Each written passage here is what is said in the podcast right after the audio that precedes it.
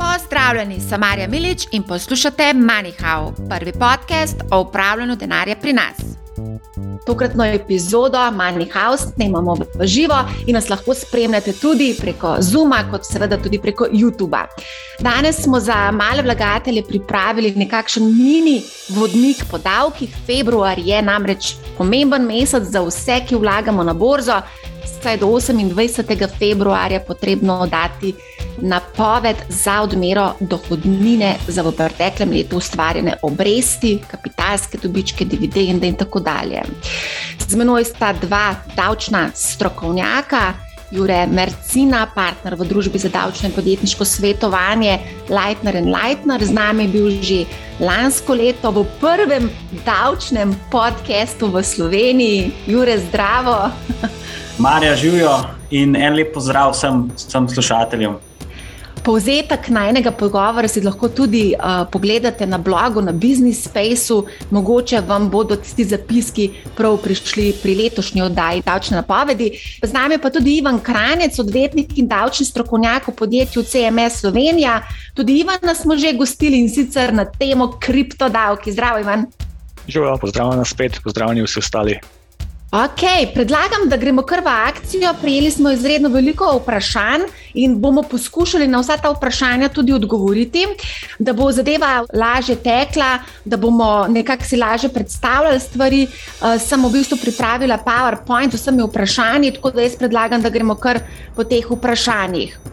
In sicer eno od prvih vprašanj, ki smo jih prejeli, in sicer od Andreja, je bilo, kaj v bistvu sploh počne davčni svetovalec kdaj se splača davčnega svetovalca najeti, koliko velik portfelj moraš imeti, da se ti to v bistvu tudi splača. Pa če lahko mogoče malo poveste, kakšne portfelje imajo vaše stranke, pa tudi koliko to stane pod črto, ker stroški so zelo, zelo pomembni, ko govorimo o investiranju. Kar izvolite, Jure, boš ti začel. Ja, um, zdaj, delo davčnega svetovalca je v bistvu precej široko, ne, zajema veliko velik, uh, aspektov. Nekako tisti del, ki se v praksi izkaže, da je najpomembnejši, je predvsem, da se vnaprej uh, zavezancu pojasne, kakšne davčne učinke ima za njega določena transakcija. Torej, če se odloči, da bo recimo trgoval z delnicami, kaj to pomeni za njega v smislu davkov. Potem. To je seveda, da moramo reči, malo davčno planiranje ali pa vsaj to, da, da, da človek ve, kaj ga čaka, potem, ko neko transakcijo naredi. Ne. Drugi del je pa seveda, potem, ko neko transakcijo že naredi, da mu lahko recimo davčni svetovalec pomaga tudi pri uh, pripravi ustreznih uh, davčnih napovedi. Ne. Nekako tisti tretji del. Je pa še to, da recimo takrat, ko je pa, jaz ponovadi rečem, že malo prepozno, ne, ko pride kakšen inšpektor, oziroma ko so že nastopajo neke težave, pa lahko davčni svetovalec tudi uh, zavezanca zastopa v to vrstnih uh, postopkih uh, napram uh, FURS-u. Zdaj, um, kdaj se splača najeti davčnega svetovalca? To je, to je zelo težko odgovoriti. Uh, vsekakor jaz samo rečem, da se veliko bolj splača davčnega svetovalca najeti, preden se transakcija izvede, kot pa potem, ko so stvari že narejene in se nekaterih zadev več ne da za nazaj sanirati. Ne? In lahko imajo take transakcije potem tudi uh, precejšnje neugodne davčne posledice. Zdaj, kar se tiče samega portfelja, tukaj bi jaz rekel, da ni vprašanje, kako velik portfelj ima posameznik, ampak predvsem, koliko je trgoval in kako kompleksne transakcije ima posameznik. Ker vi lahko delate enako obseg transakcij z portfeljem 10 tisoč evrov ali pa s portfeljem milijon. In na koncu leta v bistvu je davčna napoved, ki jo je treba oddati identična, samo mogoče drugačne številke so noter, ampak pojavljajo se pa iste vprašanja in iste uh, dileme. Zdaj, kar se tiče pa stroškov davčnega svetovanja, je pa tako. Ne? Praviloma se, se davčno svetovanje zaračuna po porabljenem času in svetovalnih urah, pri čemer je svetovalna ura odvisna od nivoja svetovalca ne? in znaša nekje od minimalno 80 evrov uh, za asistenta pa do uh, 200 evrov za partnerja, plus DDV. Plus DDV. Koliko pa je DDV, ja, tle? ja, trenutno je 22. no, evo, Ivan, izvoli, še ti. Ja, mislim, da ne bi imel kaj zelo veliko dodati. Um, kar je Jurek povedal, vse drži. Jaz bi mogoče samo še ta aspekt povedal, da davčnega svetovalca pravzaprav ne rabite vsako leto. Ne. Naša naloga davčnih svetovalcev je tudi izobraževati ljudi. Se pravi, ko ti enkrat z našo pomočjo vložiš napoved, in če imaš potem enake transakcije tudi v naslednjih letih, boš no verjetno že sam izpolnil vse te napovedi. Uh, se pravi, ni treba gledati zdaj to kot strošek poslovanja, ki se pojavi vsako leto, da bi angažiral svetovalca, ampak bolj kot ne, nek en, enkraten uložek, um, ne samo v svoje znanje, no, ampak tudi potem za naprej da še sam spoznavaš malo okolje, v katerem dejansko deluješ. Ne? Vsak investitor, mogo, rekel, poleg podjetniške žilice, ima tudi malo občutka za administracijo, za vodenje evidenc, za sledenje transakcijam. Ne? In vse to, potem, ko potegnemo skupaj, je pravzaprav davčna napoved. Tole pa ni bila ravno najbolj podjetniška izjava, moram ja, priznati. Ni bila, ampak pač tudi to je del, del podjetništva. Ne? Tudi papirologija Ne, mislim, da lahko vzameš, tudi to je strošek. Tisto prej, veš, kaj si ja. rekel, da ne rabiš davčnega svetovalca vsako leto. Ne? To si je zelo dobro zapomnil. ja, ne, se pravi, tudi to je del naše naloge, ne, se pravi, izobraževanje. Ja, se strinjam. Ali lahko mogoče vi poveste, eh, kakšne naložbe pa sploh imajo vaše stranke? Gre to res za neke bolj kompleksne investicije ali tudi, recimo, čisto obično trgovanje z delnicami in ETF-i? tudi to. Vse. Vse. Vse mogoče, od tistih majhnih, um, ki so recimo enkrat vložili, pa pol zadeve pozabili, čisto domače povedano, pa zdaj treba kaj za nazaj vložiti, do takih, ki imajo več transakcij, pa do takih, ki se tudi poklicno ukvarjajo, ne? čeprav klepa že potem nek preskok um, ko dejansko pride iz tega, da ti kot vlagatelj, fizična oseba, že iščeš opcije za optimizacije in že razmišljaš o tem, da bi odprl dejavnost ali pa celo um, DOO, se pravi neko pravno osebo in potem vlagal preko pravne osebe. Tukaj pa pravzaprav že čist drugačen princip compliance pa napovedi. Ne? Se pravi, se predstaviš iz zasebne v podjetniško sfero.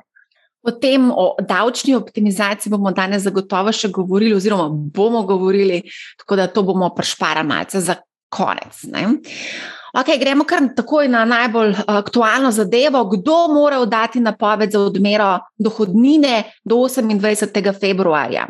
Ivan, boš ti povedal na hitro? Vsi, ki so imeli kakršne koli obdavčljive transakcije v preteklem koledarskem letu, se pravi do 28. februarja 2022, napovedujemo tiste transakcije oziroma tiste obdavčljive dohodke, ki so se zgodili lansko koledarsko leto se pravi vrednostne papirje, ki smo jih prodajali v letu 2021, in pa dividende, ki smo jih prejeli v letu 2021.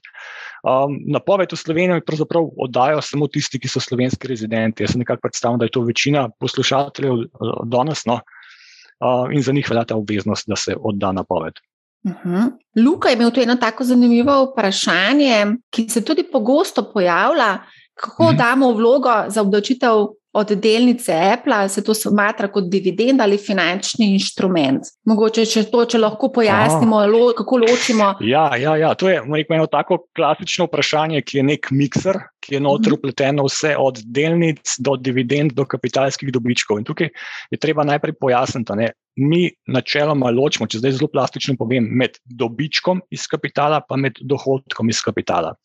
O kapitalskem dobičku govorimo takrat, kadar ti del svoje naložbe odprodaš, se pravi, se tvoja naložba zmanjša in ob tej prodaji lahko realiziraš dobiček ali pa izguba. Za take transakcije oddajaš to napoved za odmero dohodnine od svojitve vrednostnih papirjev ali pa deležev.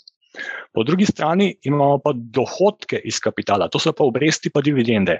Pri obrestih pa dividendah je zadeva taka, da se tvoja naložba ne zmanjšuje, še vedno ostaja enaka, ti samo dobivaš donos iz naložbe, iz te naložbe. Ne? In zato se daje pa druge napovedi. To so pa napovedi za odmero dohodnine iz dividend, pa iz obresti. In to moramo vse za do konca meseca oddati. Za dividende, pa vrednostne papirje, ja, je rok 28. februar. Zdaj, če odgovorimo na tole vprašanje od Lukata, ne, vprašuje, kako dam vlogo za obdavčitev od delnice Apple. Najprej se moramo kle vprašati, kaj je Luka s to delnico sploh naredil. Ali je to delnico pridobil v letu 2021, ali jo je prodal, ali je pa dobil donos iz te delnice kot dividendo.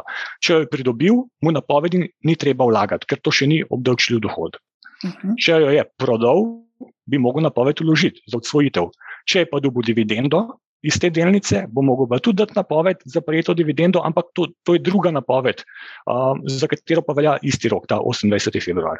Ko smo se lansko leto pogovarjali, Jure, se prav spomnim, kako si bil zelo natančen, ko sem te vprašala, kdo mora oddati napoved za odmero dohodnine, in si prav poudaril, da vsi tisti, pač, ki so odsvojili vrednostne papirje in ustvarjali neke dividende, ampak si pa tudi povedal, da tudi mladoletne osebe in upokojenci, to si pa prav izpostavil. Zakaj si to izpostavil? Ja, to sem izpostavil zato, ker veliko eh, zavezancev eh, misli, da če so pri trgovanju ustvarjali, recimo, izgubo da jim potem davčne napovedi ni treba vložiti. Ne, to ne drži. Tudi če ste vi v bistvu trgovali in pod črto koncu leta ustvarjali izgubo, ali pa tudi če ste imeli samo en trade na leto, je, je davčna napoved uh, treba, treba vložiti. Uh mhm. -huh. In tukaj tudi ni nobene uh, omejitve v smislu tega, da samo recimo polnoletne osebe morajo, morajo vložiti, ampak naložijo vsi davčni zavezanci. Davčni zavezanc pa v bistvu postaneš z rojstvom in nisi več davčni zavezanc, ko enkrat umreš. Tako da tukaj nekih omejitev ni. Edino, kar je, bi pa povdaril, ne, če ste mladoletni, oziroma če vas starši uveljavljajo kot vzdrževane družinske člane in z trgovanjem zaslužite več kot znaša eh, znesek eh, splošne davčne vlešave, potem vaši starši izgubijo pravico do davčne vlešave. Tako da tukaj treba biti pozoren na to. Da tukaj, to ne velja samo za, za, za mladoletne, ampak za, tudi za kasneje, recimo za, za študente, ki so še eh, vzdrževani družinski člani. Mhm, mhm. Je pa tudi tako, da mladoletne osebe ne morejo odpreti trgovalnega računa pri tujih brokerjih, zato pač je potrebna polnoletnost, medtem ko mladoletne osebe v spremstvu staršev pa lahko recimo v Sloveniji odprejo uh, trgovalni račun in trgujejo. To se mi zdi pač ja. fajn, ja. da se tudi pove. Ja. Jaz bi se kar navezal še eno stvar, ki jo Jure lepo izpostavil. Tudi če imate izgubo, je to treba napovedati. Zakaj je treba napovedati? Zato, ker različne vrste kapitala, dobički in izgube iz različnih vrst kapitala se med sabo lahko tudi pobotajo.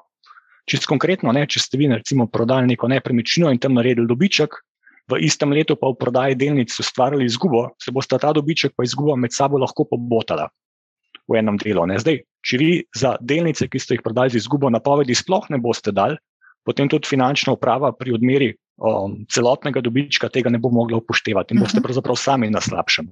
No, se bomo potem še enkrat ponovili to o izgubah in še dodali nekaj zadev, ker smo tudi dobili nekaj vprašanj na to temo. Gremo kar naprej. Prijava računov, katere račune je potrebno prijaviti, in katerih ni potrebno prijaviti, pa dajmo biti tukaj, kar se da konkretni. Tukaj imam zapisano, da bo na to odgovoril Ivan. ja, mislim, vse je tukaj že napisano, ta le podarek, da trgovalnih računov načeloma ne prijavljamo, plačilne račune pa zelo po domač povedano, ne, če ima vaš račun dodeljeno IBAN številko, potem ga morate prijaviti na FURS. Dej, ni treba prijavljati stanja na računu, ni treba prijavljati prilivov posameznih na račun, morate prijaviti imetništvo tega računa. Um, kakšne so davčne posledice zaradi prilivov na ta račun, to je čisto druga zgodba. Ne? Ampak, le imamo samo vprašanje, katere račune je treba prijaviti. Če ima IBAN, ga morate prijaviti, se pravi, recimo N26, Revolut in tako naprej. Medtem ko trgovalnih računov ali pa račune, ki jih imate za trgovanje na raznih kriptomenjalnicah in tako naprej, pa na FURS ni treba prijavljati. Uh mhm. -huh. In to so tudi potrdili na FURS-u. Um, preverila sem pa tudi, kako je za mednarodno izmenjavo podatkov, uh, ker FURS namreč prejme podatke o računih finančnih inštitucij, se pravi bank, hranilnic, investicijskih subjektov, borzno-posredniških družb in tako dalje. Uh, kot so depozitni računi, transakcijski, so to, to transakcijski, poslovni, čakovni, vrčevalni, skrbniški, In kva piše šele računi, ki jih imajo naši rezidenti odprte v tujini. To so odgovorili na FURS-u, hkrati so mi pa tudi sporočili, da so prejeli uh, za davčno leto 2020 240 tisoč poročil o računih, od tega pa 104 tisoč 368 uh, ima fizičnih oseb odprte uh, plačilne račune v tujini. Se pravi, največ jih imajo odprte pri Revolutu in pa en 26, 69 odstotkov poročil prihaja iz Avstrije, Litve in Nemčije. In ja, to so statistike Fursa, povedali so pa, da nimajo razdeljene statistike po trgovalnih računih, tako da bi lahko vedeli, kateri slovenci, koliko slovencev trguje prek Interactive Brokers ali pa preko drugih uh, brokerjev. Uh, gremo kar naprej. Davčne stopnje, to se mi tudi zdi pomembno, da še enkrat obnovimo. Jure, a boš to ti povedal na hiter? Ja, seveda. Zdaj, pri obdavčitvi kapitalskih dobičkov ne, velja pravilo, da davčna stopnja pada sorazmerno z trajanjem imetništva nekega vrednostnega papirja. Če vi odsvojite papir uh, v obdobju do petih let, znaša stopnja 27,5 odstotka. Potem po petih letih, torej za imetništvo 5 do 10 let, stopnja pade na 20 odstotkov, za imetništvo od 10 do 15 let pade na 15 odstotkov, od 15 do 20 let imetništva na 10 odstotkov, po 20 letih pa je uh, dobiček neobdavčen. Pri dividendah je stopnja, in pa tudi pri obrestih, je, je stopnja fiksna in je 27,5 odstotkov. Mhm. Zdaj bo zunaj predlog, da bo pač se znižala ta davčna obremenitev. Kako je zdaj s tem, kdaj lahko pričakujemo, da bo to šlo v resno obravnavo? Zakon je v obravnavi in zna se zgoditi, da bo v marcu še glasovanje, oziroma zadeva je zdaj ratala spolitizirana, tako da vprašanje, ali sploh bo to sprejeto ali ne, da, ampak ja, redno spremljamo, no, zato ker prenaša kar nekaj zanimivih novosti. No, če si se zdaj Marja na, na ta zakon navezala, lahko še tudi omenim, da, da ta predlog, ki je zdaj zunaj, predvideva tudi možnost, da se bo posameznik sam odločil, ali se njegovi dohodki iz kapitala obdavčijo po fiksnih stopnjah, tako kot zdaj, ali pa se obdavčijo po, uh, po progresivni lestvici. Ne, mhm. seveda si bo mogel vsak posameznik izračunati, kaj je za njega uh, bolj ugodno. Se pravi, se, se bo še bolj v bistvu zakompliciralo, oziroma še bolj se bomo mogli davčno opismeniti, po domače povedano. Tako, tako, ker zdaj so stopnje pač jasne. Če bo pač ta predlog sprejet, potem pa bo tukaj nekaj prostora za, za davčno optimizacijo. Odvisno bo od več faktorjev. No, ja. Načeloma je tako, ne, da tisti, ki so majhni traderi, se jim bo verjetno splačal uštevati dohodke v letno dohodninsko osnovo. Tisti, ki imajo pa večje volumne tradinga, se jim pa ne bo. Ne, ampak vsak bo mogel zračunati, kaj se mu bolj splača. Bomo kar počakali najprej, da sprejmejo ta zakon, da nam bo preveč časa zgubljati. Še ena zanimiva zadeva. Ne? Vprašanje je tudi, če bo zakon recimo marca ali aprila sprejet. Glavno vprašanje je, ali bo veljal že za to leto ali ne. Načeloma retroaktivna veljavnost davčnih predpisov ni dovoljena, klej bi šlo pa za retroaktivno veljavnost predpisa, ki bi bil pa zavezancem lahko v korist. Take izjeme so pa včasih tudi dovoljene. Ok, bomo spremljali in potem naredimo spet kakšen webinar ali pa kakšen eh, podcast. Ok, gremo zdaj na izjeme, to je tudi blazno pomembna zadeva. Eh, eh, ne vem točno, kdo je napisal, napisal je, da ima mizerni prihodek od dividend oziroma dobička in znaša manj kot 20 evrov. Je to res treba prijaviti? Jure, mogoče bi ti lahko povedal, ali je to potrebno prijaviti in kdaj ne plačamo davka. Tako, ja, um, odgovor je, da ja, vsak v bistvu dohodek od dividend ali dobička je treba prijaviti, tudi če znaša manj kot 20 evrov. Je pa potem pravilo, da FURS ne odmeri davka, če bi ta davek uh, znašal, mislim, da je manj kot, kot 20 evrov. Ampak v vsakem primeru pa boste tudi o tem dobili odločbo.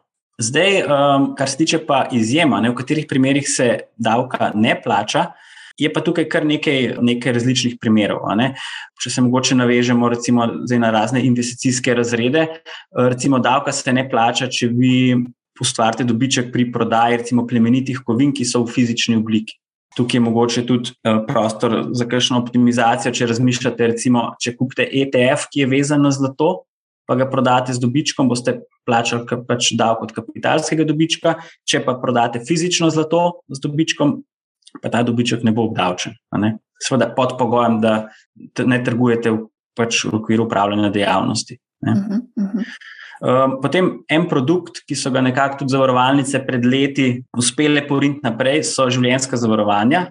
Torej, življenjska zavarovanja, seveda, spet so tukaj neki pogoji, sicer če ta polica traja več kot deset let, in seveda v okviru tega življenjskega zavarovanja potem tudi zavarovalnica vlaga sredstva v določene vzajemne sklade, in če je pri tem ustvarjen dobiček po desetih letih, tak dobiček ni obdavčen. Potem, seveda, imamo tukaj kriptovalute, seveda izhajam iz tega, da, da niste nek dnevni trader, torej da tega ne upravljate kot dejavnost, ampak da pač vsake tok časa kupite ali pa prodate kakšno kriptovaluto. Trenutno od tega še ne plačate davek, je pa seveda v, v obravnavi prišel nov predlog zakona, po katerem bi se pa tudi samo unovčenje kriptovalut obdavčilo. Mhm. Tako da to, pa mogoče, Marja, za konec omenjam, uh, Forex trgovanje. Tudi pri Forex trgovanju trenutno, trenutno dočitve ni. če se ne upravlja kot dejavnost, seveda. Tudi veliko vprašanj smo dobili okrog tega, tudi Domen sprašuje, kako je obdavčeno trgovanje z valutami, kdaj in kako je potrebno poročati o trgovanju. Torej, tega ne poročamo. Ne? Tudi za transakcije, ki jih naredimo, recimo, če želimo kupiti delnice v dolarjih, pa moramo v bistvu iz evra konvertirati v dolarje, tudi v tem primeru ne pride do davčnega dogodka, so pa stroški konverzije, to je pa treba povedati. Ne? Tako, tako. A bi lahko mogoče sam še eno zadevo vprašala, ker to je bilo ob koncu leta izredno aktualno, kar se tiče skladov življenjskega cikla. Tudi to je v bistvu na nek način neobdavčeno dokler uplačujemo, potem pa, ko pa izplačujemo, pa malo verjetno drugačna zgodba. Vedno imaš v mislih PDPZ, prostovoljno dodatno ja. pokojninsko zavarovanje. Oziroma skladi življenjskega cikla. Ja. Tako, ja. Ja, zdaj, um, če si vi to prostovoljno dodatno pokojninsko zavarovanje plačujete sami, torej ne da vam plačuje delodajalec, vam vsako leto pripada olešava, ki znižuje vašo letno davčno osnovo. Seveda, tukaj govorimo o dohodkih, ki se vštevajo v letno osnovo. Ne? Tako da lahko si potem na ta način znižate davčno osnovo. Potem pa, seveda, ko začnete prejemati neko premijo, neko rento, ne, se pa trenutno 50% te rente ušteva v davčno osnovo. Um, veliko vprašanj prihaja vezano na kriptovalute. O kriptovalutah bomo tudi govorili malce kasneje, ne sedaj. Uh, še eno vprašanje vezano na Forex, ki se vrši preko CFD-jev. Eh, če se ne motim, je potem to obdavčeno 40 odstotkov. Ja, tudi izvedene finančne inštrumente bomo tudi kasneje malce bolj poglobljeno obdelali. Zdaj gremo pa kar naprej in sicer davčni dogodek. Tu tako vprašanje pridejo, kdaj in kako pride do davčnega dogodka. Recimo, Aleš sprašuje, ali davčni dogodek nastane ob prodaji ETF-ov preko spletnega broka ali šele takrat, ko so denarna sredstva od prodaje nakazana na TRR. Kako je zdaj s tem? Ivana, boš ti povedal? Ja, mislim, zakon reče, da do obdavčilka dogodka oziroma do dohodka prije takrat, ko ti je dohodek dan na razpolago. Zdaj, na razpolago ne pomeni nujno, da ga dobiš na TRR. Tudi, če ti je recimo nakazan na tvoj trading account in se ti lahko z njim odločiš, ali ga boš reinvestiral ali ga boš tam pustil, um, se šteje, da si ta dohodek že prejel in takrat nastane tudi obdavčil dogodek. Se pravi, če bi recimo prodal ETF sklad, enoto ETF sklada 30. decembra lansko leto, denar bi pa dejansko prejel na svoj TRR šele v letošnjem letu 2022, je to obdavčil dogodek, ki bi ga mogel napovedati v sklopu transakcij za leto 2021. Uh -huh. Ja, pa mogoče bi še jaz nekaj tukaj eh, zraven dodal, da je zakaj pomemben ta dan, ko je bil v bistvu. Jaz smo pravi, ponavadi to value date v teh izpisih. Ker če ste vi dobili dividendo, ali pa recimo, če ste prodali vrednostni papir v tuji valuti, recimo v dolarjih, Ne, je treba v bistvu narediti pretvorbo iz dolarjev v evre po tečaju, ki je veljal na ta dan, ko je bil ETF trgovan. Ne, in to treba vzeti tečaj, uh, uradni tečaj ECB, ne pa tisti tečaj, po katerem se je recimo konverzijo naredil, naredil broker. Ti si rekel ECB, Banka Slovenije, tudi čisto v redu tečajnica uh, Banke Slovenije. Ne? Vse je isto. Isto ja. je, ja, se ni, nimaš druge. Okay, gremo naprej. Aha, še najc je bil tukaj, to sem pa čisto zgrešila. Če z delnicami ne trgujem, se nerealiziran dobiček obdavči? Sprašujem. Ne, ta nerealiziran dobiček se ne obdavči, če trgujete kot, kot fizične osebe. Mal drugačna zgodba je pa, če, če govorimo o pravnih osebah. Tam je pa potem seveda odvisno to finančno naložbo, po kakšni metodi jo vrednotite. Če jo vrednotite po pošteni vrednosti, je potem treba na zadnji dan bilančnega leta pogledati, kakšna je borzna cena te delnice, in potem se mora biti pač dobiček, se, se, napram, če se to primerja z stanjem na prvi prvi, to predstavlja prihodke, ki so obdavčeni. Ne, mhm. da, ampak to velja za pravne osebe, za fizične osebe, pa samo realizirane transakcije so relevantne za obdavčitev.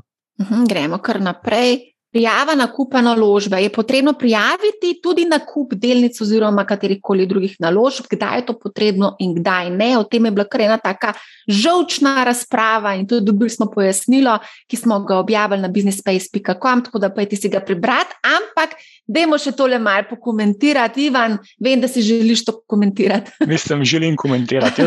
Vsekakor pozdravljam to pojasnilo Fursa, ker stališče zavezancev je zelo ugodno. Ne? Furs reče, ni treba prijavljati vsakega nakupa delnic oziroma naložb, šele če presežete prak 25% v osnovnem kapitalu, bi mogli to prijaviti. Kar je fino, ne, to vas razbremeni zelo veliko administracije, glede poročanja FURS-u. Vsekakor morate imeti pri sebi podatke o tem, kaj ste kupili, kdaj ste kupili, pa po kakšni vrednosti, ker ta stvar je potem pomembna za naprej.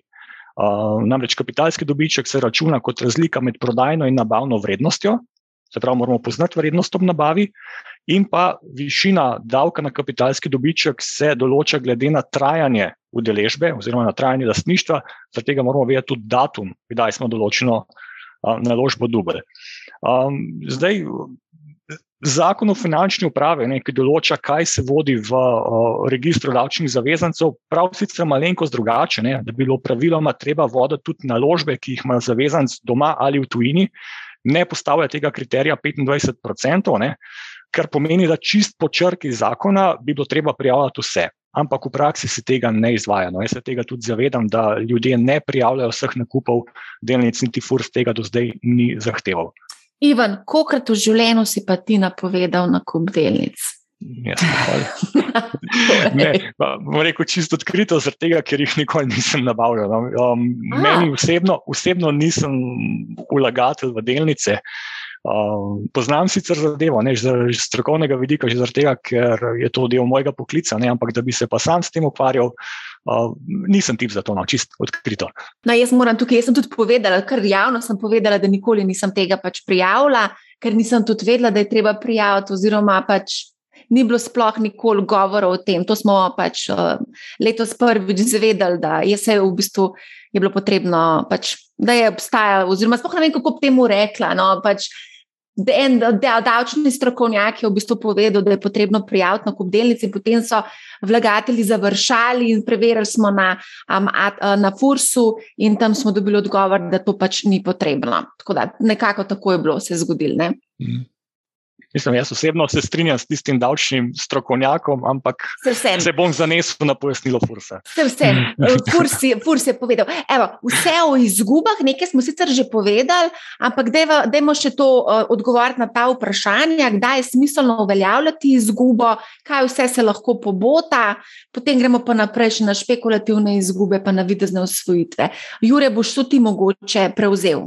Ja, zdaj tako je. Splošno pravilo je, ne, da vi lahko pobotate izgubo, ki ste jo ustvarjali pri določenem trgovanju z, z, z neko delnico, z ETF-om, uh, z dobičkom, ki ste ga dosegli v istem letu pri trgovanju, bodi si iz drugih vrst vrednostnih papirjev, lahko tudi iz naslova odsvojitve nepremičnin.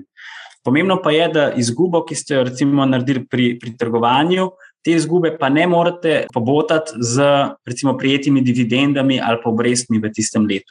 Torej, dobički pa izgube se med sabo pobotavajo samo pri eh, kapitalskih dobičkih, pri drugih vrst dohodkov iz kapitala pa ne.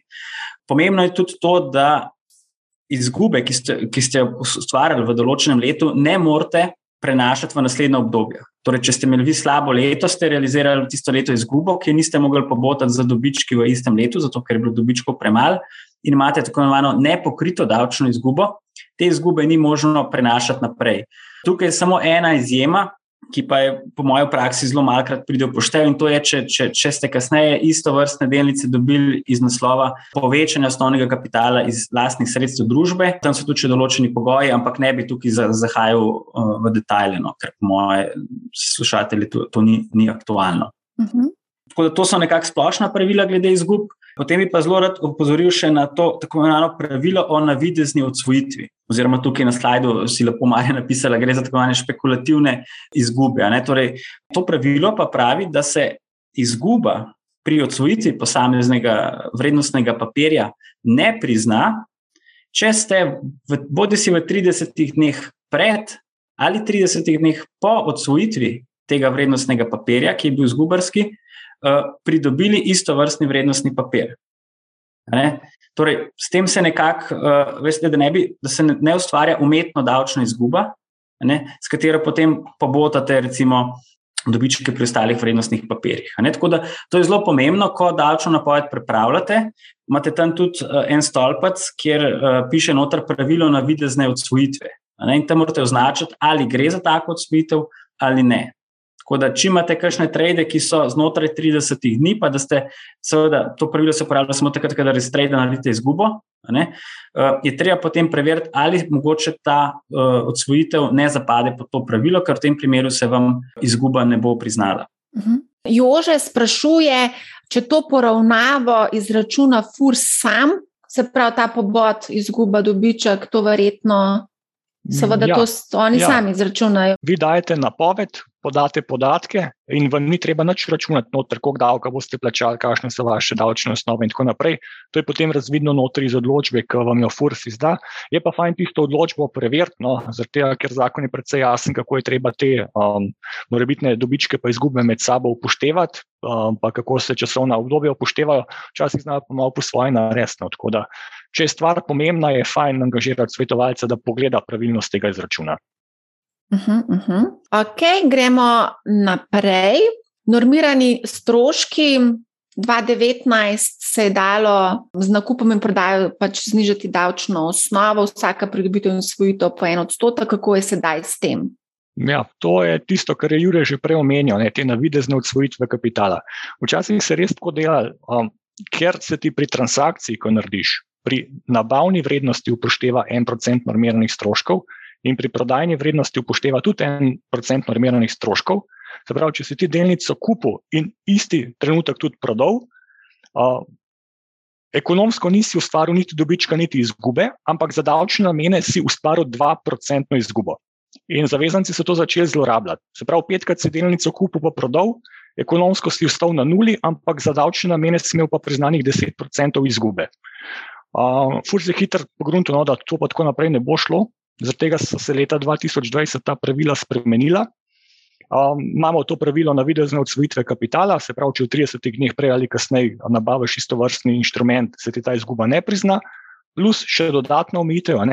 Normirani stroški zdaj ne morejo presegati uh, dejanske izgube uh, oziroma dobička, ki si jo tukaj realiziral. Uh mhm. -huh. Gremo kar naprej. Kopiranje portfeljev, to zlasti govorimo o e-toru, trgovalni platformi, ki omogoča kopiranje portfeljev uporabnikov. Kako je v tem primeru z obdavčitvijo? Ja, mogoče, mogoče lahko jaz tukaj uh, uskočam. Zdaj, jaz razumem samo kopiranje portfeljev, da v bistvu se delajo enaki tradi, kot jih dela tisti trgovalec, katerega kopirate. Seveda, želja je, da se pač doseže tudi enake dobičke, ker običajno gre za neke uspešne traderje. Težava, ki lahko tukaj nastopi, je samo, če te uspešni traderji res naredijo ogromno tradov na leto ne? in tudi, recimo, trgujejo z nekimi bolj kompleksnimi finančnimi instrumenti. Težava se lahko pojavi, recimo, če vi imate, ne glede na to, da imate nek relativno mehen znesek, ki ga vložite noter, pa lahko zelo boli glava, potem, ko je treba konc leta oddati napoved ker imate ogromno tradov in običajno je potem težava pri zbiranju ustreznih podatkov, ki jih je potrebno v davčno napoved unesti. Uh -huh, uh -huh. Jaz bi sam še določeno stvar dodal, pa ni to povezano z davke, ne, ampak je povezano s čist z ekonomiko. Ne. Če ti kopiraš določenega traderja, ampak delaš na bistveno manjšem volumnu, te lahko dve stvari res usekata. Eno so provizije, drugo je pa davčni sistem. Se pravi, jaz ne morem kopirati nekega američana, ki vlaga ker on mogoče strošek davka, ki ga ima v te transakcije ukalkulirane, je za njega bistveno manjši, kot bo za me. Recimo, če se gremo od CFD, -ja, se pravi, izvedene finančne inštrumente, tujini, ne vem, če so obdavčeni 40% dobički, kot so pri nas. Ne? In mogoče bo za tega traderja, ki ga jaz kupiram, taka transakcija na koncu še vedno dobičkonosna. Jaz bom pa na njo plačal dejansko ogromno davka, in za me ne bo toliko dobičkonosna. To je ta vidik, ki treba upoštevati, ko gremo nekako kopirati portfelj pa transakcije nekoga drugega. Uh -huh, uh -huh. To je v bistvu zelo dober point. Tako da, ja, bodimo pozorni, če kopiramo uh, portfelje. Uh, Jože in Tom sprašujete, kaj pomeni istovrstni inštrument oziroma vrednostni papir. Mislim, da je bilo to pri tebi, Jure, ko si govoril o navidnih izgubah. Ja, to je bilo v tem kontekstu. Uh, istovrstni vrednostni papir je, načeloma se gleda, da vsak vrednostni papir ima ISIN, ki je kot neke vrste ID vrednostnega papirja. Ne? Tako da tukaj se vedno pogleda iz SIN koda. In če je ista, potem gre za isto vrstni uh, vrednostni papir. Uh -huh. ni, ni tako, da je to recimo po razredih, da je to delnica ali pa ne vem.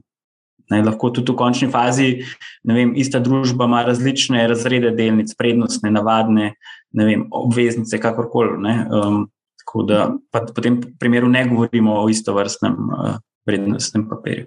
Uh -huh. um, tudi to vprašanje se je kar pogosto pojavljalo in sicer. Um, ne vem točno, kdo je dobil od e-tora za 100 dolarjev delnic Tesla, ker je izpolnil neko anketo. V primeru referla na Interactive Brokers pa lahko dobiš tudi za 200 dolarjev delnic Interactive Brokers. Kako se to prijavi? Če mi jaz. ja, evo, zdaj sem tam, Ivan, na vrsti. Ja, dejansko podarjene delnice, že izraz podarjene, pomeni, da je to darilo. Se pravi, um, vi ste za nič evrov dobili 100 delnic, oziroma za vrednost 100 evrov delnic, konkretno Tesla, in to morate na FURS napovedati, um, dejansko bo to obdavčeno potem kot drug dohodek. Uštevali se bo v vašo letno osnovo za dohodnino in od tega boste plačali dohodnino na letni ravni.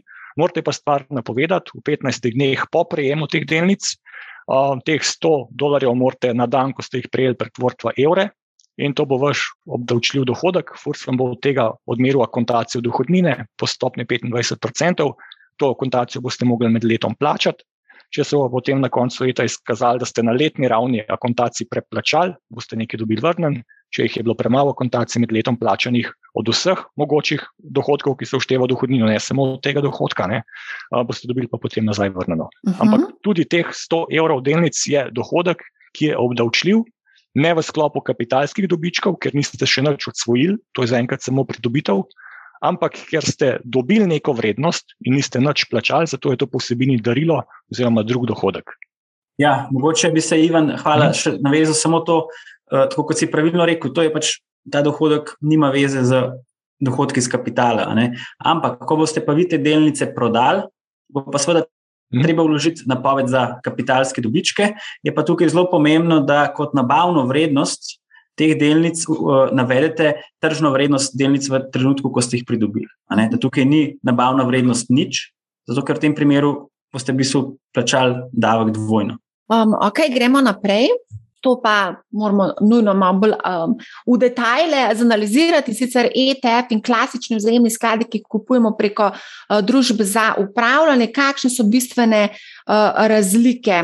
Jaz mislim, da bo uh, s prihodom novega traderja tudi na slovenski trg, Trade Republic, bo postalo investiranje v ETF še veliko bolj privlačno, kot trenutno je, kajti prek Trade Republic bo možno bo v bistvu transakcija, za transakcijo bo potrebno odšteti en evro, trenutno pri Interactive Brokers odštejemo pa tri evre.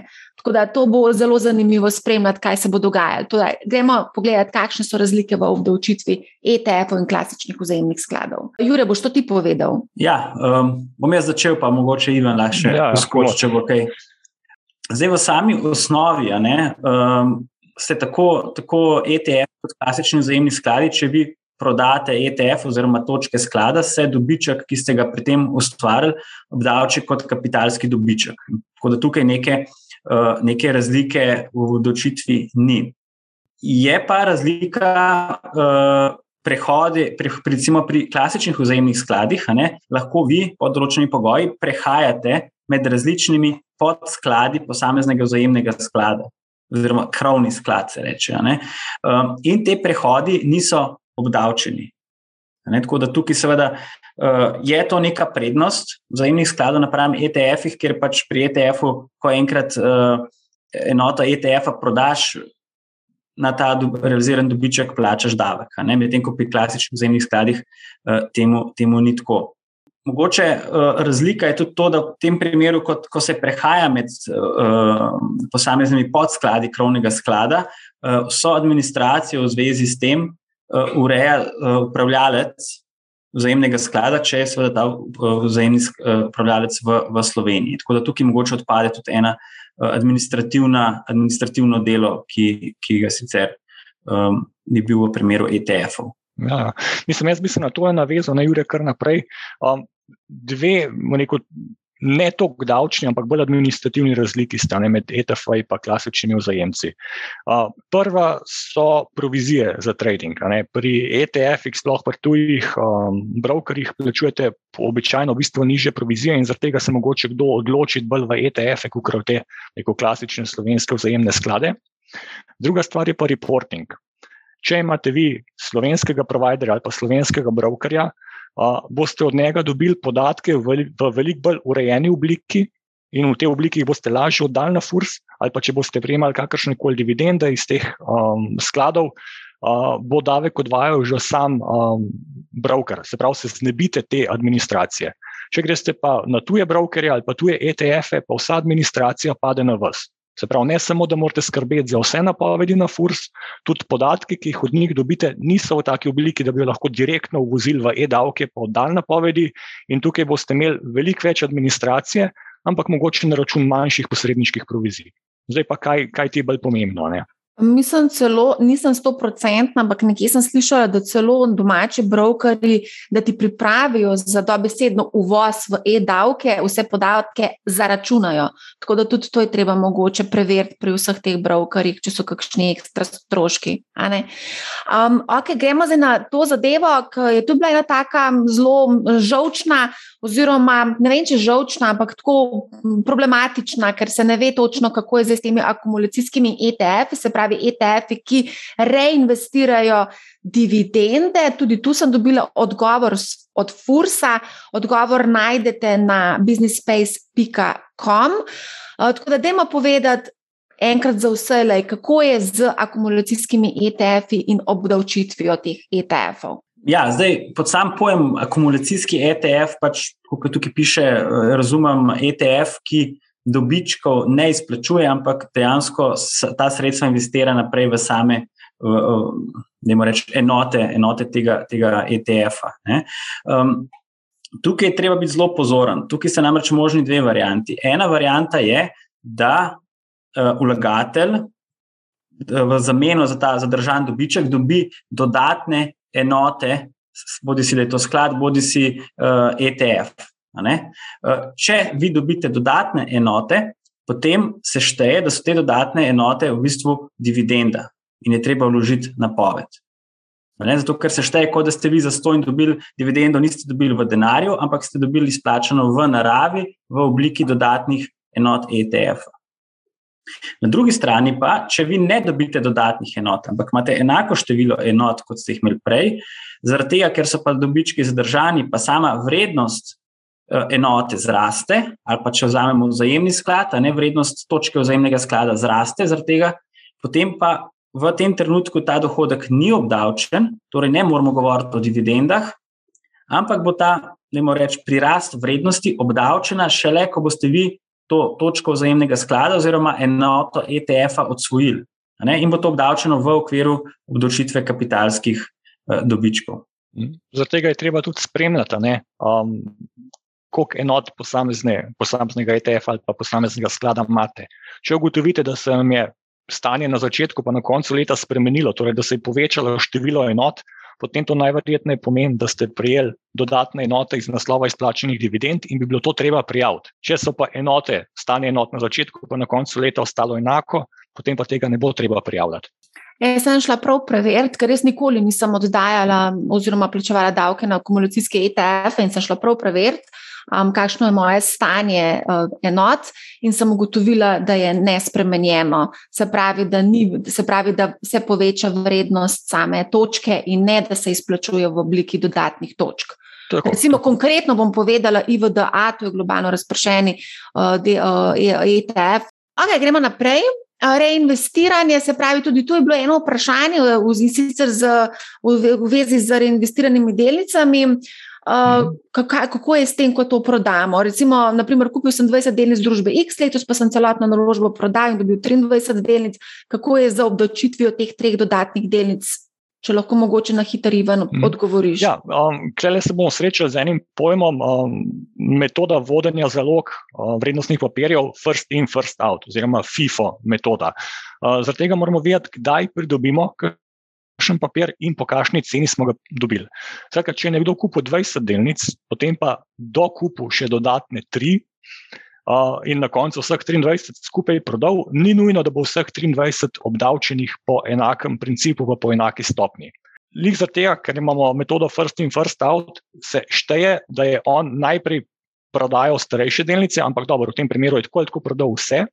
Važna je pa metoda first in first out zaradi trajanja lastništva posameznih delnic. Se pravi, čisto konkretno, ne, ker vemo, da po petih letih stopnja davka na dobiček pade.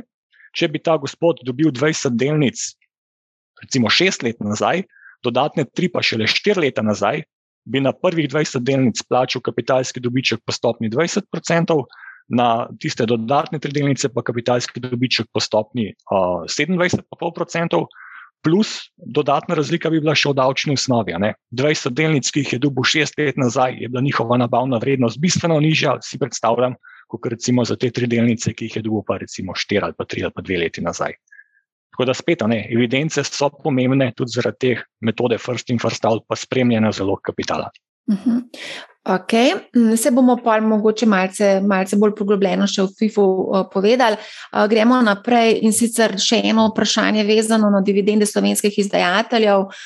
Kako je v primeru izplačevanja dividend slovenskih izdajateljev, pa bi šla jaz kar takoj tudi na to dodatno vprašanje, sicer v primeru delnice NLB, ki jo kupimo na londonski borzi. Bom jaz odgovoril na ta simpel, Jure, v Apolte zakomplicirano, je prav. Zmenjen. ja, no, skratka, če dobimo dividendo izplačeno od slovenskega izplačevalca, potem nam ni treba izpolnjevati nobene posebne napovedi. Izplačevalec bo že sam poročal na Fursu, kakšno dividendo smo dobili, in bo tudi sam odvedel davek. Tako da to je rekel, najbolj enostavna zadeva, kar jo lahko imamo. Če imamo pa vmes kakršne koli tujce, ne, to bo pa zdaj Jure prevzel, se nam pa stvari lahko bistveno bolj zakomplicirajo. Ja, um, zdaj mogoče to je ravno to vprašanje, Marija, ki si rekla. Torej, če, če imate vi um, plat, trgovalno platformo nekje v tujini ne, in preko te trgovalne platforme trgujete, recimo, tudi imate slovenske delnice v portfelju, in vemo, da slovenske delnice imajo kar uh, redno izplačujejo dividende, ne, in vi dobite na to tujo platformo neko, neko dividendo. Ne v zakonu o davčnem postopku v bistvu so kar kompleksna pravila, kako je, eh, kdo se šteje za plačnika davka, ki je dolžen v tem primeru narediti davčni odtegljaj. In uh, čeprav gre dividenda v tujino preko posrednika, ne, je v tem primeru zadnji v tej verigi, ki je še v Sloveniji, mora narediti davčni odtegljaj po stopni 27,5 eh, odstotka. In zdaj, seveda, vi dobite na vaš trgovalni račun samo neto znesek te dividende. Ne? In zaradi tega, ker je bil tegljaj v Sloveniji že narejen, vi seveda v Sloveniji ne rabite več vlagati na povedi za dividende od teh izplačevalcev. Kaj se pa potem v praksi zgodi? V praksi se pa zgodi to, da seveda ta tuji broker poroča svoji davčni upravi, tuja davčna uprava potem slovenski, da ste vi iz tujine prejeli dividende. In seveda, ker vi v Sloveniji teh dividend niste napovedali, kar je sicer prav, ne, eh, vas bo FURS pozval, boste dobili dopis, ker vas bo pozval, da morate vložiti davčno napoved od dividend, ki ste jih prejeli v tujini. In v tem primeru je treba FURS-u v bistvu pojasniti, da te dividende, ki ste jih dobili, so v bistvu dividende od slovenskih izplačevalcev, od katerih je bil že narejen odtegljaj 27,5 odstotkov, in, in da posledično vi ne rabite vlagati napovedi za te dividende. Uh mhm. -huh. Ker če bi vi še vedno te dividende napovedali, bi v Sloveniji ponovno plačali davek od tega, zato ker bi se vam pa od tega priznal samo do tiste višine, ki je predviden med, po konvenciji o izogibanju dvojnega obdavčevanja med Slovenijo in pa tista država, kjer je lociran broker. Ne, tako da v tem primeru, glavno, če mogoče povzamem, no, long story short, ne vlaga davčne napovedi od teh dividend.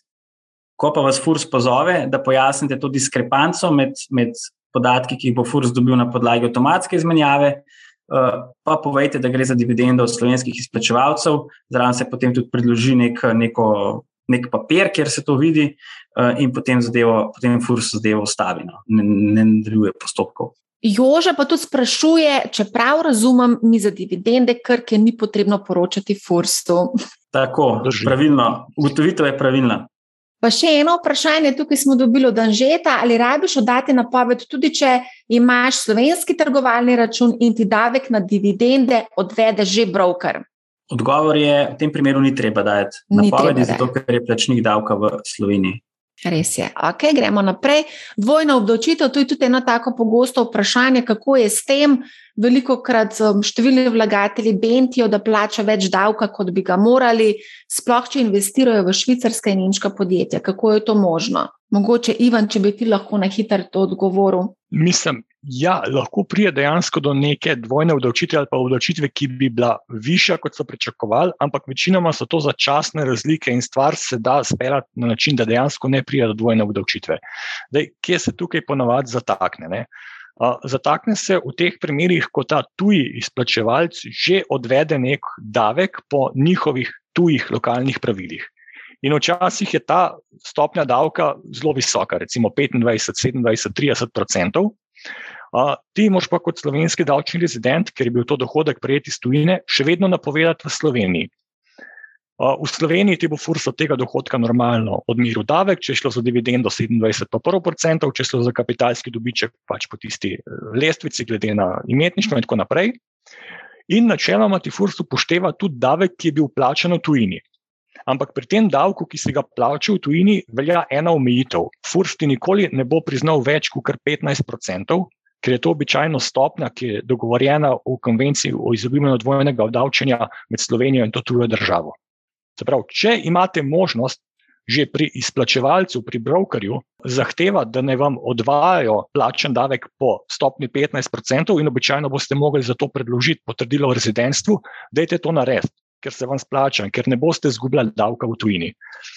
Um, v Sloveniji vam bojo odmerali davek, kakršen koli bo, upoštevali vam bojo samo 15% plačanih iz tujine, razliko, kar ste plačali pa nad 15%, boste mogli pa sami zahtevati od tuje finančne uprave, kar zna biti pa tudi dolgotrajen, pa predvsej drag postopek. Uh mhm. -huh. Ja, Ivan, to, to si zelo dobro povedal. In, in v praksi je tako, spoh, če gre za neke manjše zneske, verjetno, verjetno pač ne boste najemali davčnih svetovalcev v tujih državah, da, da, da uredijo za vas uh, to vrčilo. Da, je pa seveda tako, da recimo sploh ETF-i, tisti, ki so distribucijski, torej da redno izplačujejo dividende, praviloma so vedno ustanovljeni v jurisdikcijah, kjer davčnega odtegaja ni, ne, oziroma je v zadnji neka struktura, da se v državi vira ne plača nič, uh, nič davka, ravno zato, da ne bi do tovrstnih primerov uh, prihajali. Mhm. To pa je dobro vedeti. Okay, gremo naprej. Dividendne dileme so še med nami. Se pravi, ja, v tujini izplačujejo večkrat letno dividende, pri nas praviloma enkrat. A moramo kaj tlele prav posebej vedeti, poleg tega, seveda, da imaš več dela, če večkrat izplačuje? Nič posebnega ni. Tudi za dividende zdaj velja, da se jih napoveduje enkrat letno, od 28. Mhm. februarja. Spet podarjam tisto, kar sem prej govoril, ne samo za dividende prijete iz tujine, se pravi od domačih dividend, ne dajete posebne napovedi. Je pa seveda treba preko leta spremljati, kaj ste dubali, koliko ste dubali, kdaj ste dubali in vse to vključiti potem v tisto letno napoved. Tukaj smo dobili še eno vprašanje, ki je dobiti podatke o izdajatelju dividend, če si jih prejel preko Revoluta. Revolut je um, posrednik, ne, ni v bistvu broker, tako da mogoče, če lahko sam na hitro pojasnimo. Ja, to, to je, Revolut je samo banka. Ne. To je enako, kot če bi prejeli dividende izplačene na TRR, ki ga imate odprtega pri NLB-ju. NLB je pač uh, payment provider kot banka, on ni splačevalc dividende, ampak na bančnem izpisku se bo verjetno videl, od koga je bila ta dividenda nakazana. Torej, ali se bo videl trail na brokerja ali pa direktno na izplačevalca dividende. In to je tisti podatek, ki je relevanten. Uh -huh. Ok, šibamo naprej. Uh, kar se tiče neprijave in pa neresnične prijave, kaj, kakšne so kazni, globe, kaj se zgodi v primeru na hitro, če lahko samo od Fursa od 250 do 400 evrov, če ne oddamo davčne napovedi, od 400 do 5000 evrov za ne navedene nepravilne ali neresnične podatke. Poleg globe pa potem plačamo še dodatno davčno obveznost in zamudne obresti. Jure, bi mogoče ti še kaj dodal tukaj? Ja, mogoče samo menim, no, kot si že povedala, uh, pač globa je višja, če, če fur zavajate, torej navajate noter nepravilne in neresnične podatke, kot pa če davčne napovedi sploh ne vložite. Ne? Um, globi se, če recimo naknadno vi ugotovite, da ste pozabili prijaviti kapitalski dobiček ali pa dividende, uh, je tukaj obstaja institut samo prijave. Torej pomeni, da, da v bistvu vi naredite samo prijavo, za nazaj oddate davčno napoved in v zameno, seveda, ker ste ravnali proaktivno, vas furs ne bo uh, oglobil. Uh mhm. -huh. Še vedno pa je treba plačati uh, zamudne obresti od neplačanega davka, ki pa v tem primeru znašajo 3% in so uh, precej niže. Kot v primeru, da bi FUR začel nek um, inšpekcijski nadzor in vam od, pač potem v okviru tega nadzora odmeril davek. No, pa da je zdaj pogledati, koliko nadzora je bilo upravljenega. Tudi izjava FURSA pravijo, da nadzori potekajo z zamikom, tako da številni še potekajo. Trenutno pa je v zvezi z neoddajo napovedi dohodnine od dobička iz kapitala za lani sankcioniranih 19 zavezancev, ki jim je bila izrečena skupna globa v znesku 4750 evrov, torej poprečno 250 evrov. 19 zavezancev, ne sliši se prav veliko? Pravzaprav zelo malo, no, ampak to so zavezanci, ki jih je FURS odkril in pri njih tudi speljal postopek do konca. Ne. Vprašanje, koliko jih je v postopku, pa za koliko jih sploh ne vejo. To je tako imenovan detection risk. okay.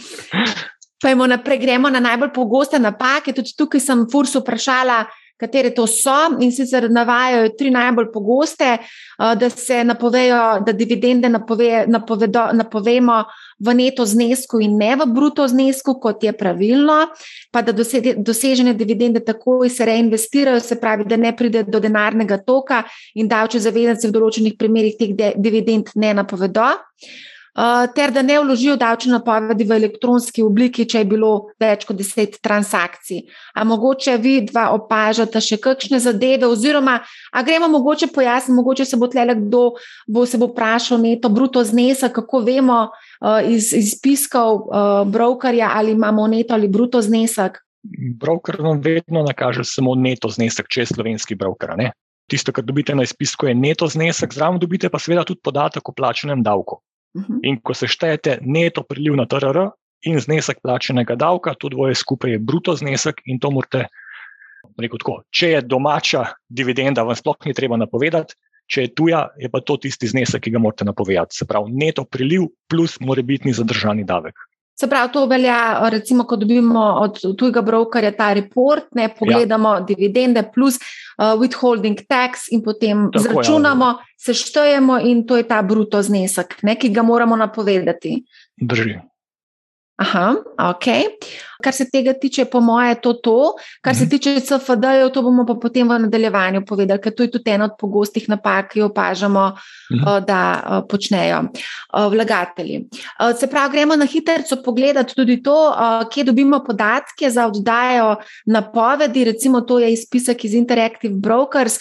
Kot vidite, tukaj pač imate performance statements, imate cel kup nekaj nekih reportov, statementsov, tako da tukaj res lahko dobite uh, res veliko informacij. Dajte vse malo preklikati, pa malo pogledati, uh, kaj je vsebina teh uh, poročil. Amate vi, da mogoče še kaj dodati tukaj, kar se tega tiče, kje dobiti podatke, se je verjetno to ni neka znanost, potegam dol podatke iz brokerjev.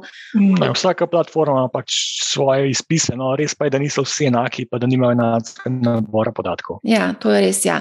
Ampak vsi pa moramo izpolniti te obrazce na e-davkih. Mhm. Uh, in tukaj se številni vprašajo, kako poiskati davčno številko izplačevalca dividend, kje dobiti identifikacijsko številko podjetja.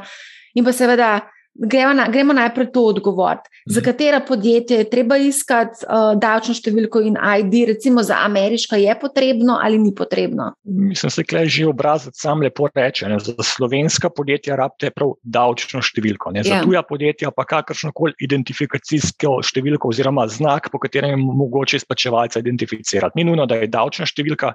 Lahko je tudi registrska, američani imajo TIN, številko Tax Identification Number, um, in tako naprej. Potem pogosto vprašanje, ki ga dobivamo, in tudi tukaj mislim, da danes je nekdo vprašal, kaj se napiše pod uveljavljanjem oprostitev po mednarodni uh, pogodbi. Ja, zdaj, glede na to, da jaz mislim, da tukaj velika večina, da praktično vsi uh, poslušalci ste davčni rezidenti Slovenije, za vas uh, ta okvirček ne pride v poštev. Ne, zato, ker vi v bistvu ne morete uveljavljati nobene oprostitve kot rezidenti, zato, ker ima Slovenija praktično z vsemi državami tako imenovano kreditno metodo in ne metodo oprostitve. Ne, kar pomeni, da lahko tuj davek vi tukaj v bistvu za, za ta tuj davek zmanjšujete vašo davčno obveznost. Tako da um, ta obraz, ta del v bistvu pustite prazen, ne morete uveljavljati oprostitve. No. Mhm. Tukaj smo dobili še eno vprašanje za podjetje Novartis. Uh, podjetje je iz Švice, kotira na New Yorkski borzi. Uh, kaj je pri napovedi dohodnine država vira in kaj je država izplačevalca v tem primeru? Odkot pridejo dividende izplačane? Ja, to pa ne vem. Dohodnina za podjetje, podjetje Švica kotirana v New Yorkski borzi, to pa ne ja, vem. Jaz, jaz mislim, da je tukaj Švica, Švica. država izplačevalca. Ja, ja. Ker tudi, recimo, se tudi uh, Krka, delnice Krke tudi kotirajo na različnih borzah, pa še vedno bo država izplačevalca Slovenija. Ne, ne A pa NLB tudi dosti podobna, mislim, ista zgodba. Ne? Tako. tako. Ja. Um, gremo naprej. Jaz vsem svetujem, da si pomagate z Excelom. To so vsi ti podatki, ki jih dobimo na e-davki, in pač tukaj vse te podatke lepo noter unesemo. Ključna stvar je, da se zadeve je potrebno preračunati iz dolarjev, recimo, če imaš dolarske delnice v evre. Pomembno je, da se upošteva tečajnica Banke Slovenije in potem, ko te zneske dividend, recimo 3,28, unesemo, je potrebno preračunati v evre in podobno je tudi z davkom, ki ga plačamo v tujini. In to je to. To je načeloma mhm. zelo en tak simpel pregled. Jaz sem sicer tukaj dodala še uh, davčno številko in pa ID izplačevalca, pomagamo si spletno stranjo intaxid.com, ker imaš v bistvu vse podatke zbrane za ameriška podjetja. Pa tukaj si lahko pač pomagamo z Banko Slovenije, njeno tečajnico. In je to to, mhm. to je v bistvu nekako si lahko s tem pomagamo, če dobivamo, če nimamo nekih prav, prav kompleksnih transakcij. Amate videti še kaj za dodati tukaj? Niti ne, no. um, edino spet ta upomba, ne, znesek dividende mora biti bruto. Bruto, ja. Tako. Gremo naprej. Oddaja davčne napovedi, zdaj veliko ljudi išče, seveda, rešitve in bližnjice, kako bi to naredili s čim manj truda na Discordu Money House, no, se pač med sabo izmenjamo različne izkušnje in znanje, ki jih imamo. In um, uporabniki Discorda svetujejo, da si pomagate z GitHubom, ker je v bistvu zelo enostavna konverzija. Oziroma, ne vem, če je to enostavno, se mi zdi, da vse je potrebno imeti nekaj znanja, da to vse uh, nekako aktiviraš. Ampak ja, lahko preverite, pa boste videli, če vam to lahko pride. Prav tudi mislim, da je en v četu napisal, da pač uh, si lahko pomagamo s to skripto. Um, mhm. Tako da, a imate videti še kakšno idejo, kako bi lahko si olajšali življenje? Ne, žal ne. Če imaš iz tujine, operiraš s podatki, ki ti jih da broker ali pa provider. Za mhm. domače so verjetno malo bolj strukturirani, pa je lažje narediti, no, kaj več od tega pa ne moramo. Uh mhm. -huh. Ja, jaz bi mogoče sam to rekel. Ne? Če ste tako uh, dosledni, pa ustrajni, pa disciplinirani, da si sprot vodite transakcije, ne, oziroma da usporedno vodite po FIFO metodi transakcije, tako kot jih je treba potem na FURS poročati, to zelo olajša uh, celo zgodbo. Uh mhm. -huh. Potem za nazaj iskati je veliko težje, kot pa če sproti, ko naredite trade, to še upišete v neko vašo tabelo, vi potem veliko lažje finalizirate, pa to davčno napoved tudi. No. Uh -huh. Kako je za dokazili, moramo kaj pošiljati v Fursu? Ivan, imaš kakšno idejo? Fajn je posledno. Če boste dali premalo, boste dobili poziv za dopolnitev vloge. Vedno je fajn, da zdravo dokazila, ki dokazujejo tisto, kar ste vnesli noter sami v napoved. Se pravi, ali kakšne izpise, ali povzetke, ali dokazila v tujini plačnem davku. Skratka, vse, kar koli vpliva na izračun na davčne obveznosti, je fajn, da ima tudi prej pretreli za sabo. Uh mhm. -huh. Ok, gremo naprej. FIFA, to smo že nekaj omenili, samo da vidim, če so kakšno tako vprašanje, ki bi bilo fajn, da jih odgovorimo. Kako je z davki, če mesečno kupuješ ETF ali se šteje čas posameznega uplačila? Ja, vsako uplačilo je nova pridobitev kapitala in za vsako to enoto, ki se na novo kupuje, začne rok lasništva na novo teči in tudi nabavna vrednost je določena na tisti datum. Um, Deni smo tu tako zanimivo vprašanje in sicer številni investirajo v iste naložbe, kupujejo mm. delnice pri dveh brokerjih, recimo Denis je kupil delnice AMD-ja na uh, Interactive Brokers, potem pa še na Trading 212, na to je to uh, prodal na Trading 212, je prodal te delnice in zdaj se sprašuje, katere delnice se upoštevajo kot FIFO. Tiste kupljene na Interactive Brokers ali na Trading 212. To je isto vrstni kapital, to je že Jure preomenjal, ne? ker gre za ene in iste delnice, ni važno, da jih imate v dveh različnih žepih v istih hlačah.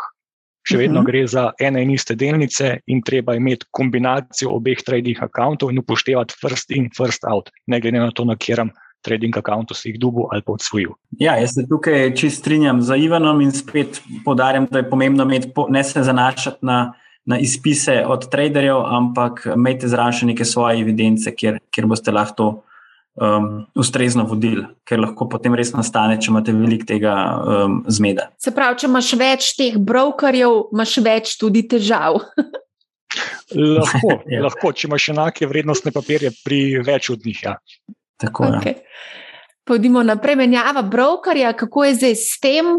Uh, kaj, na kaj moraš biti pozoren, če zamenjaš brokerja, a pa da vem, se karkoli zgodi z brokerjem, Z vidika same obdavčitve ni to nič posebnega. Največji problem je, kakšen nabor podatkov ti bo broker dal, ko ga boš zapustil. Zadeva je ista. Ne, če zamenjaš hišnika ali pa upravnika v hiši, to ne pomeni, da boš plačal davek na promet nepremičnine. Še vedno imaš isti profil, samo drugega brokerja, drugega upravnika. Fajn je pa dobiti podatke od brokerja, ki ga zapuščaš, zato ker v tistih podatkih imaš noter in datume pridobitev, in nabavne vrednosti, in celoten svoj profil. Kaj pa, če pozabiš, oziroma pač nisi se tako angažiral, da bi pridobil to zgodovino, kaj pa potem? Težave. Težave. ne vem, nekako boš mogel priti do teh podatkov, če boš hotel potem, ko boš enkrat prodal svoj profil, upisati pravilne podatke za obdavčitev. Če ne te čakaš 20 let, ko ni več obdavčeno. ja. Okay. Frakcije, delnice, se veste, lahko kupujemo desetinko um, ene delnice, recimo Amazona. Kako je z davki v primeru prodaje in kako je z dividendami? Ja, tukaj neke razlike ni. Ne? Pač ali kupiš celo delnico, ali kupiš eno desetino delnice. Um, v vsakem primeru ob prodaji plačaš kapitalski dobiček in pa dividende so, so obdavčene. Sam treba je pač ustrezno, ko se tam izpolni, kakšna je recimo zaloga vrednostnega papirja in tako dalje, da se pač tudi potem upiše, ne vem, če imate eno desetino, da je to nič cela ena delnice ne? in ne, da je to cela delnica. Uh mhm. -huh. Pa cepitev delnic, to je zelo aktualna zadeva zaradi alfabeta. Kako je s tem? Ja, cepitev delnic je, je neobdavčena transakcija, ne? ker to samo pomeni, da se ena delnica razdeli na dve delnici, torej vi niste odsvojili delnic.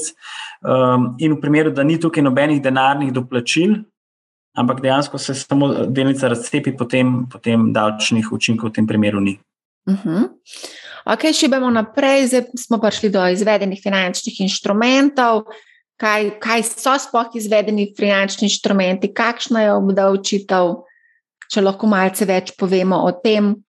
Ja, mogoče sama definicija ne, izvedenih finančnih instrumentov boste najdeli v uh, ZTFI 1, torej zakon o trgu finančnih instrumentov.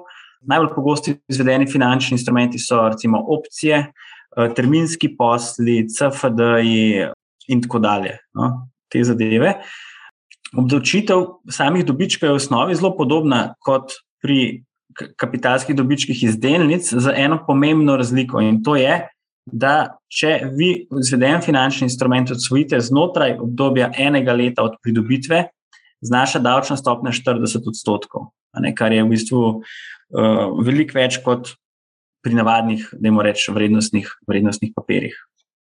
Kako je v primeru, recimo na e-toru, pogosto se zgodi neizkušenim vlagateljem, da namesto neke delnice ali pa ETF-a kupijo eh, CFD?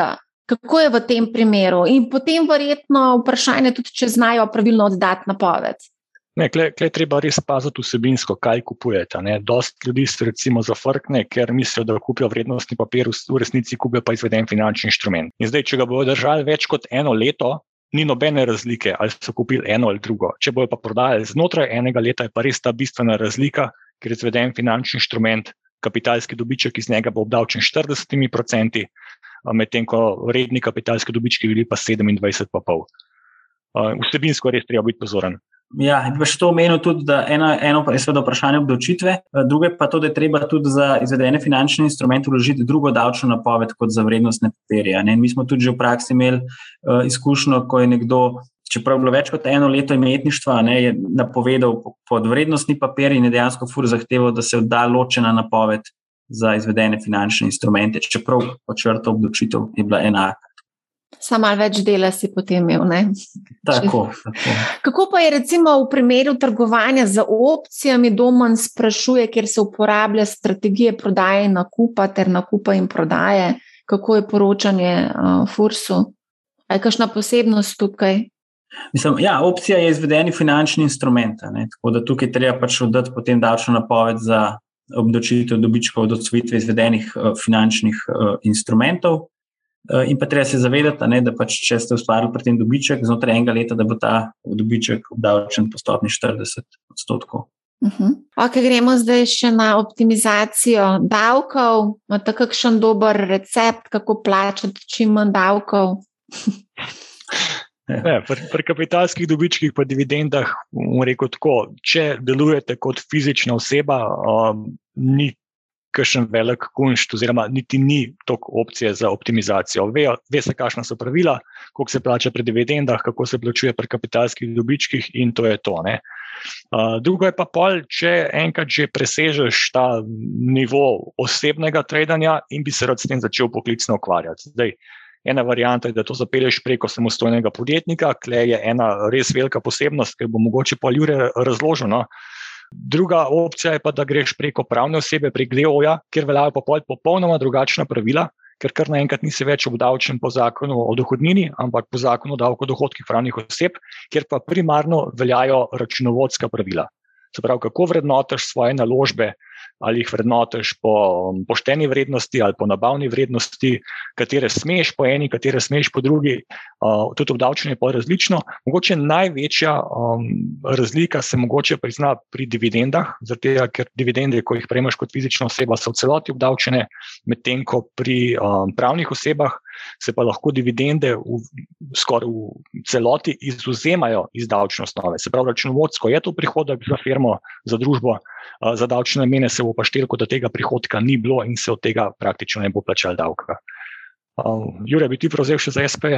Ja, mogoče bi se še navezal na samo optimizacijo davkov. Mogoče za fizične osebe en tak recept, pa na svet, da moramo reči, recimo, če imate neko zgubarsko delnico ali pa ETF, ne, mogoče je fajn, če recimo porabite to kot nek davčni ščit. Torej, če vi recimo že vidite proti koncu leta, da boste s trgovanjem ustvarjali nek dobiček, pa lahko potem tist, en del tistih izgubarskih delnic, recimo, prodate, ustvarite izgubo, zato da, da si ta dobiček zmanjšate.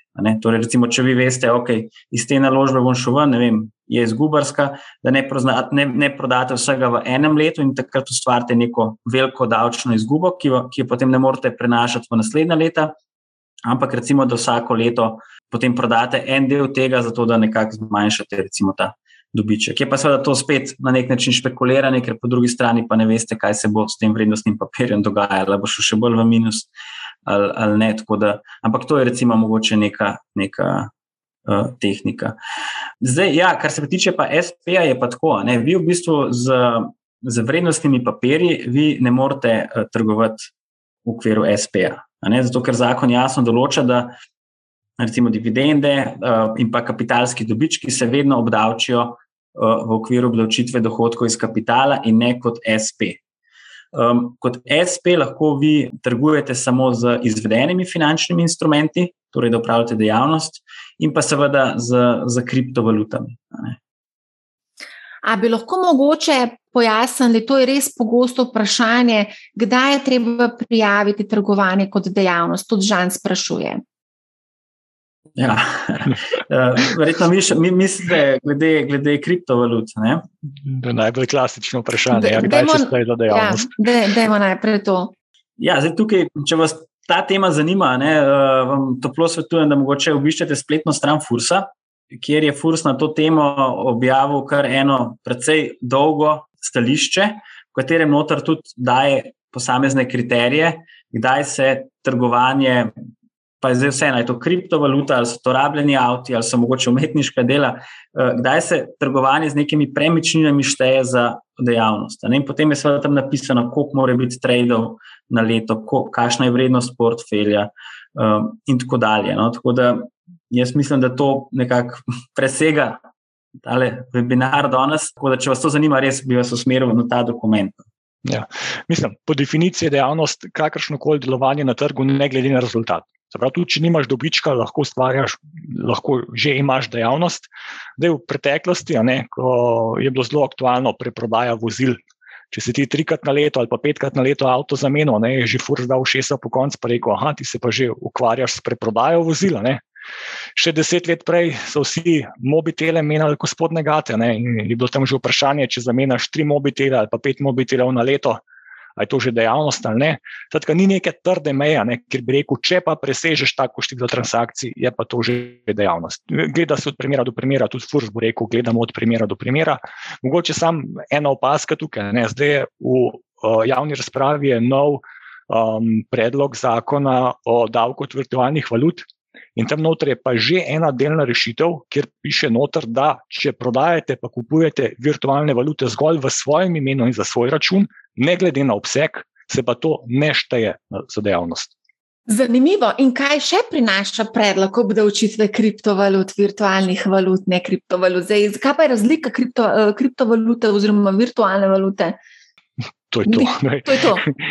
Ena in ista stvar, no, samo različen, um, različen izraz.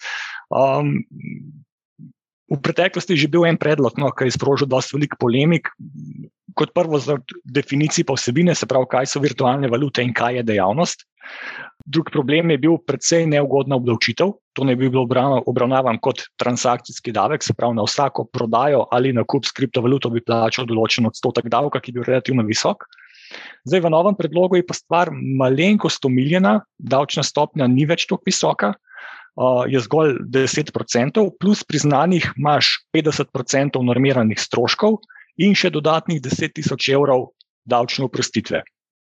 Se pravi, zelo po domači povedano, do 10 tisoč evrov obdavčljivih dohodkov iz um, kripta bo popolnoma neobdavčeno, presežek nad 10 tisoč evrov se ti bo pa najprej znižal za polovico, to je teh 50% priznanih normiranih odhodkov, in samo na preostanek boš potem plačal 10% davek. Ampak zaenkrat še v fazi predloga.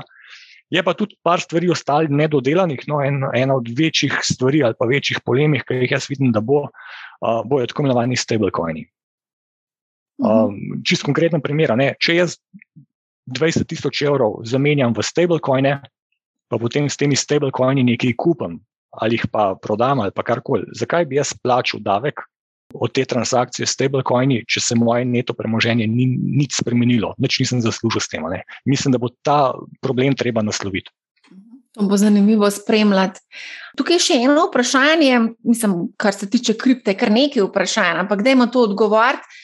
Uh, za bodoči kriptodavek ali davčni dogodek, le ko nakažem nazaj na svoj bančni račun. Kdaj se zgodi davčni dogodek? Verjetno tako kot na klasični borzi ne, oziroma menjalnici, platformi. Mislim, v predlogu je pisalo, ko zamenjaš virtualno valuto za fiat valuto, da je to obdavčilo dogodek, ali pa če z virtualno valuto nakupaš blago ali pa storitev, da je to tudi obdavčilo dogodek. Se pravi, dokler ti menjaš kriptovalute znotraj trading akonta in jih ne zamenjaš za fiat, to še ni obdavčljivo ko pa enkrat zamenjaš eh, za fiat, ne bi pa bilo uh, obdavčljivo, se pravi, kot ti ta dohodek dan na razpolago, ali pa ko si ga dejansko izplačaš na trg. Uh -huh. Dajmo še pogledati, ali je še kaj takega, kar bi mogli vedeti o novem predlogu, kdaj bo to sprejeto, koliko časa se bo zdaj razpravljalo o tem, kakšna je dejansko možnost, da bo sprejeto.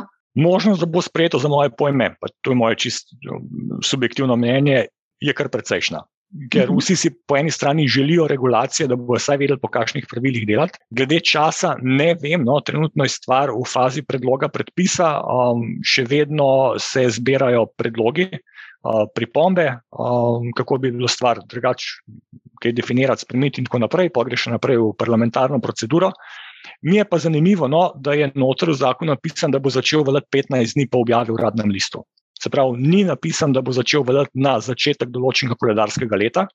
Uh, jaz bi nekako predvideval, da bo začel veljati v letu 2023, ampak so dali noter kar 15 dni. Ne? Tako da, kle, prehodne določbe za moje pojme bo treba še dopolniti, no pa pustimo se presenetiti, da bomo videli, kje smer bo šla potem rešitev.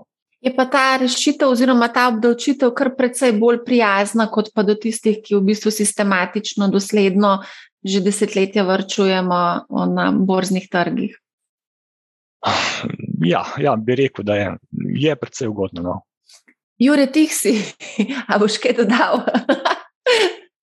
ja, mislim, da je predvsem omenil, mislim, da je tudi eden v četu omenil, da se primerja to z IFI-om, izvedenimi finančnimi instrumenti, pa sploh nastane nek uh, zelo velik gap tukaj. Okay, vemo, da obe, oba, naložbe, oba naložbena tipa sta bolj tvegana od, recimo, reč, nekih navadnih delnic ali pa ETF-ov.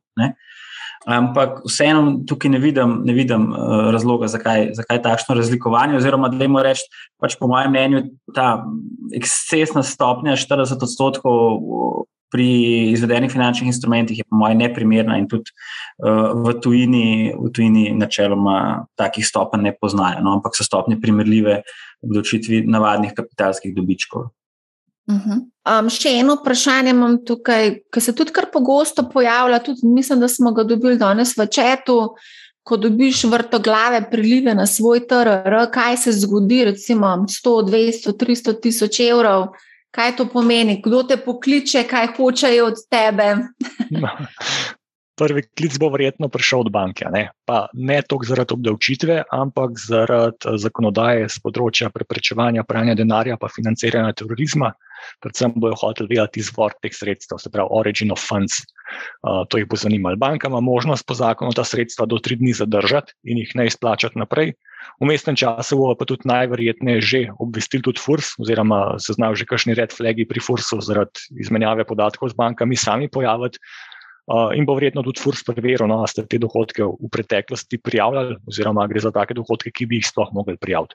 V prvi vrsti no, pa to ne bo problem obdavčitve, ampak bolj um, preprečevanje pranja denarja. Uh mhm. -huh. Ja, jaz bi še dodal to, da v bistvu, če imate vi bančni račun v Sloveniji, odprt pri slovenskih bankah, a ne ima FURS dejansko neposreden pogled v ta račun. Če imate pa vi bančne račune v tujini, potem pa tega neposrednega pogleda ni. Seveda pa enkrat na leto FURS dobi informacijo od tuje banke, eh, glede tega, kakšno je stanje na računu in pa kakšen je bil promet. Tako da v tem primeru pač tem pride do, do določenega zamika, ampak da bi pa to skril pred FURSom, pa v bistvu zelo težko. No. Se pravi, ne gledajo samo na točno določen dan, ampak prečekirajo, kaj se je dogajalo na računu, se pravi, da ne bi mogel v bistvu zmanipulirati. Ne? Se pravi, Tako. da ne. No, no to, to je pomembno, da vemo. Um, nekaj vprašanj je še ostalo, ampak so nekatere tako specifične, tako da jaz se upravičujem, vseh pač ne moramo obdelati. Uh, mogoče samo to, kar vem, da veliko slovencev investira tudi preko platforme Bondora. Tle so kakšne posebnosti, katero, kako je z obdavčitvijo, verjetno to gre za obresti ali kako peer-to-peer platforma je to. Če gre za peer-to-peer lending, se pravi posojanje denarja, kakršen koli dohodek iz posojanja denarja bo obdavčen kot obresti. Se pravi, uh mhm. -huh. po domač povedano, tudi če vi, sosedovi pepci, posodite denar in vam je dolžna plačati obresti, bi mogli biti te obresti sami napovedati. V tem primeru te platforme, ne, ko gre za obresti prejete iz tujine, ste še toliko bolj dolžni sami napovedati, um, in potem plača tudi davek 27,5% na obresti. Uh, je pa pri obrestih malenkost drugače kot pri dividendah, pa kapitalskih dobičkih, namreč ne napoveduje se jih samo enkrat na leto, se pravi do 28. februarja za celo leto nazaj, ampak je treba to sproti napovedovati. Imamo še kaj za zaključek? Smo vse povedali, smo obdelali te najbolj ključne stvari, ki bi morale, oziroma ki zanimajo najbolj vlagatelje v tem hipu. Mislim, da smo. Če ima kdo še kaj za vprašati, bo pa verjetno mail poslal bo pa ja. poslal mail, se strinjam. Jaz predlagam, da kar zaključimo. Odgovorili smo še na dodatnih 19-20 vprašanj, poleg teh 35, ki sem jih prepravil. Jure, Ivan, najlepša hvala, da ste si vzeli čas in delila to vajno znanje uh, z vsemi nami. Tako da iskrena, iskrena hvala. Ja, hvala za povabilo. Z veseljem ja. še kdaj. Hvala, Marja. Jaz mislim, da, da ta tema bo vsako leto aktualna, glede na to, kako uh, pogosto se, se, se davčna zakonodaja spremenja. Res je. Uh, mi bomo seveda spremljali te spremembe in tudi poklicali v primeru, da bomo seveda potrebovali kakšna pojasnila. Hvala tudi vsem, ki ste nas spremljali v živo in seveda tudi lep pozdrav vsem tistim, ki nas boste gledali ali pa poslušali z mikom. Če imate kakršno koli vprašanje, mi pišite na marja.afnabusinessspace.com ali preko katerega od družbenih omrežij. Naročite se na podcast MoneyHow, zelo bom vesela, če boste posredovali informacijo o podkastu prijateljem, znancem, sorodnikom in vsem, za katere menite, da bi jim vsebina lahko koristila. Poslušajte MoneyHow, ne bo vam žal. Lep pozdrav!